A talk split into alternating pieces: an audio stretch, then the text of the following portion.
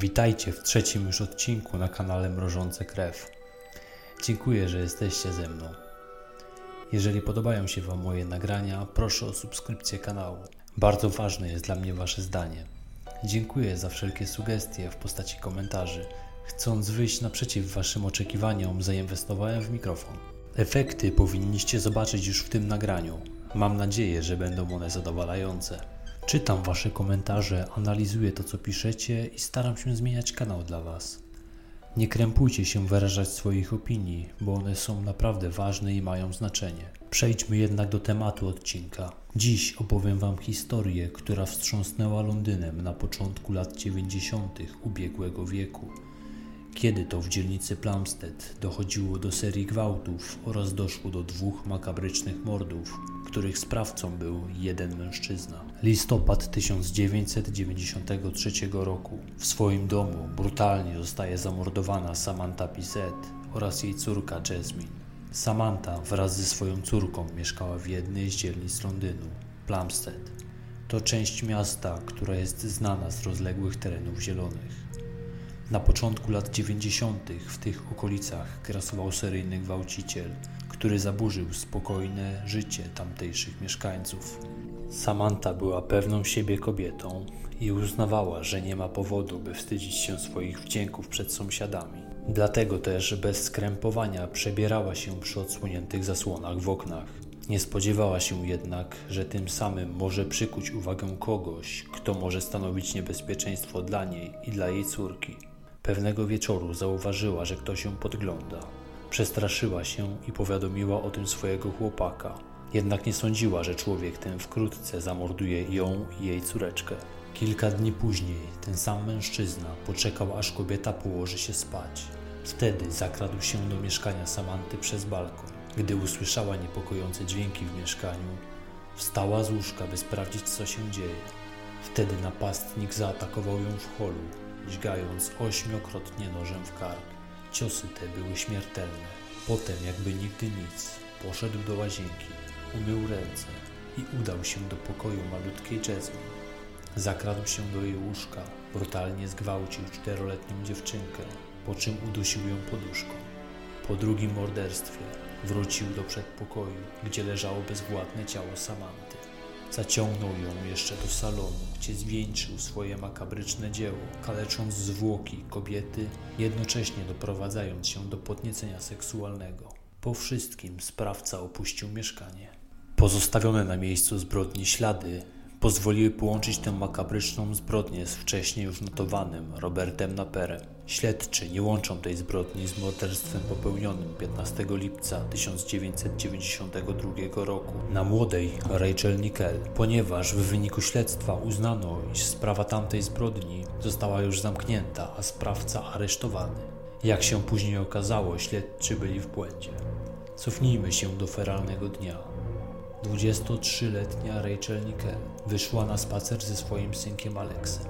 Dookoła słychać było szum drzew i śpiew ptaków. Jednak harmonia zostaje przerwana bestialskim atakiem.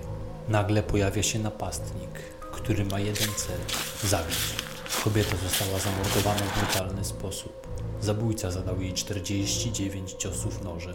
Najprawdopodobniej zbrodnia ta była realizacją chorych fantazji sprawcy, które dojrzewały w nim od dłuższego już czasu. Świadkiem mordu był dwuletni syn ofiary, Alex. Chłopcu nie stała się krzywda. Historia ta wstrząsnęła całą Wielką Brytanią, a opinia publiczna domagała się schwytania sprawcy tej zbrodni.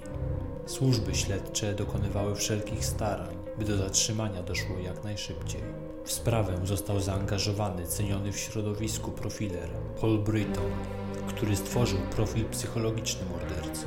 Według niego sprawca miał mieć między 20 a 30 lat. Miał być to samotnik zamieszkały w pobliżu Como. Ma skłonności sadystyczne oraz zainteresowania okultyzmem, a także nożami. Stworzony został także portret pamięciowy sprawcy, który został przedstawiony w mediach.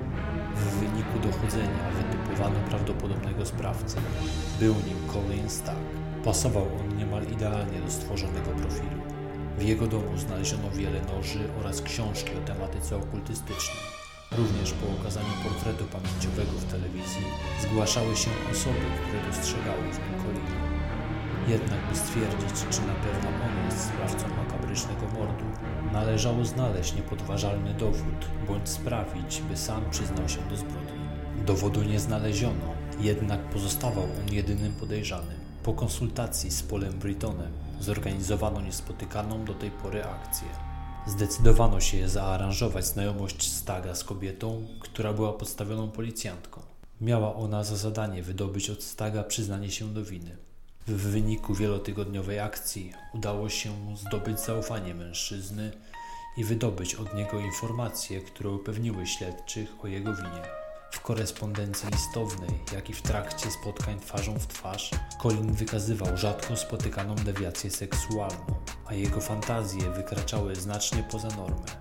W swoich fantazjach często wspominał o użyciu noża w trakcie stosunku. Finalnie przyznał się kobiecie do zamordowania Rachel Nickel, ponieważ kobieta wyraźnie dawała mu znaki, że gdyby był mordercą, byłby dla niej bardziej pociągający. Postawiono mu zarzuty i rozpoczął się proces poszlakowy. W sierpniu 1993 roku Colin Stack zostaje aresztowany. Jednak we wrześniu 1994 roku sąd oddala oskarżenie, uważając, że Stack został sprowokowany przez policjantkę do przyznania się do morderstwa, licząc w ten sposób na gratyfikację w postaci odbycia z nią stosunku. Cała sprawa została szeroko opisana w książce Paula Brytona Profil mordercy. Akcja, choć została skrupulatnie zaplanowana, wymknęła się organom ścigania spod kontroli. Największe gromy spadły na Paula Brytona, który był inicjatorem akcji. Sam od początku zaznaczał, że wszelkie przejawy dewiacji muszą być inicjatywą Staga. I tak w rzeczywistości było. Jednak został on sprowokowany przez kobietę, która podsycała jego fantazję, dając mu nadzieję na zbliżenie.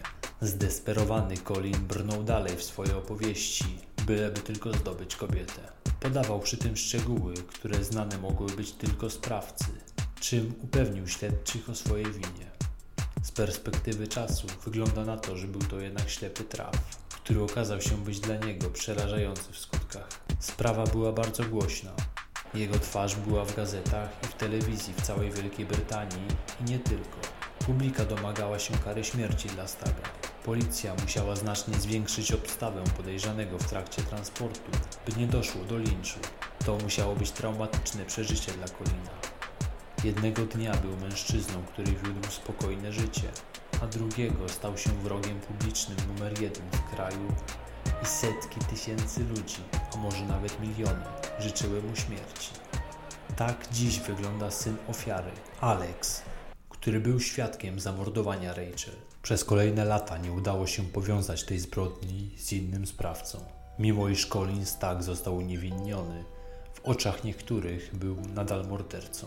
Przełom nastąpił dopiero w 2008 roku, gdy dzięki postępowi nauki udało się powiązać DNA Napera z zabójstwem Rachel Nickel i jego skazać za tę zbrodnię. Robert Naper urodził się w 1966 roku w Londynie. Nie miał łatwego dzieciństwa. Jako mały chłopiec był świadkiem codziennych awantur oraz bicia matki przez swojego ojca. W wieku 12 lat, podczas wakacji na kempingu, padł ofiarą napastowania ze strony przyjaciela rodziny. Od tego czasu Robert stał się introwertyczny, unikał kontaktu z rówieśnikami, stał się pedantyczny, cierpiał na zaburzenia amankastyczne. Zaczął też podglądać swoją siostrę, gdy ta się przebierała. W wieku 20 lat został skazany za napaść przy użyciu wiatrówki. Jednak został warunkowo zwolniony z aresztu. W 1989 roku 23-letni Robert podczas jednej z rozmów przyznał się matce do popełnienia gwałtu.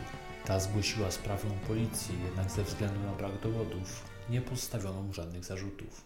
Po tej sprawie matka zerwała kontakt z synem. W międzyczasie w Londynie dochodziło do serii gwałtów na kobietach. Ze względu na sprzeczne opisy sprawcy, organy ścigania po omacku bezskutecznie szukały gwałciciela. Nadano mu przydomek gwałciciel z Greenchay. Jak się później okaże, prawdopodobnym sprawcą co najmniej 70 ataków na tle seksualnym w południowo-wschodnim Londynie był właśnie Robert Napper. Seria zaniedbań ze strony śledczych doprowadziła do oskarżenia i osadzenia w areszcie przez 14 miesięcy niewinnego człowieka, jakim był Colin Starr. Lekceważono poszlaki, które wskazywały na to, iż Napper jest gwałcicielem, który grasuje w parku Green Shade. Zlekceważono nawet telefon od matki sprawcy, która wskazywała syna jako sprawcę gwałtu. Najprawdopodobniej, gdyby wtedy policja zareagowała w odpowiedni sposób, Rachel, Samantha i Jasmine żyłyby do dziś, a dziesiątki innych kobiet uniknęłyby napaści i traumy, która towarzyszyć im będzie do końca życia. To już wszystko na dziś. Za tydzień przeniesiemy się do USA, gdzie rozłożę na czynniki pierwsze sprawę Jessica Boynton. Subskrybujcie kanał, by być na bieżąco ze sprawami, których mogliście do tej pory nie znać. Zapraszam też na Facebooka i na Instagrama. Do usłyszenia.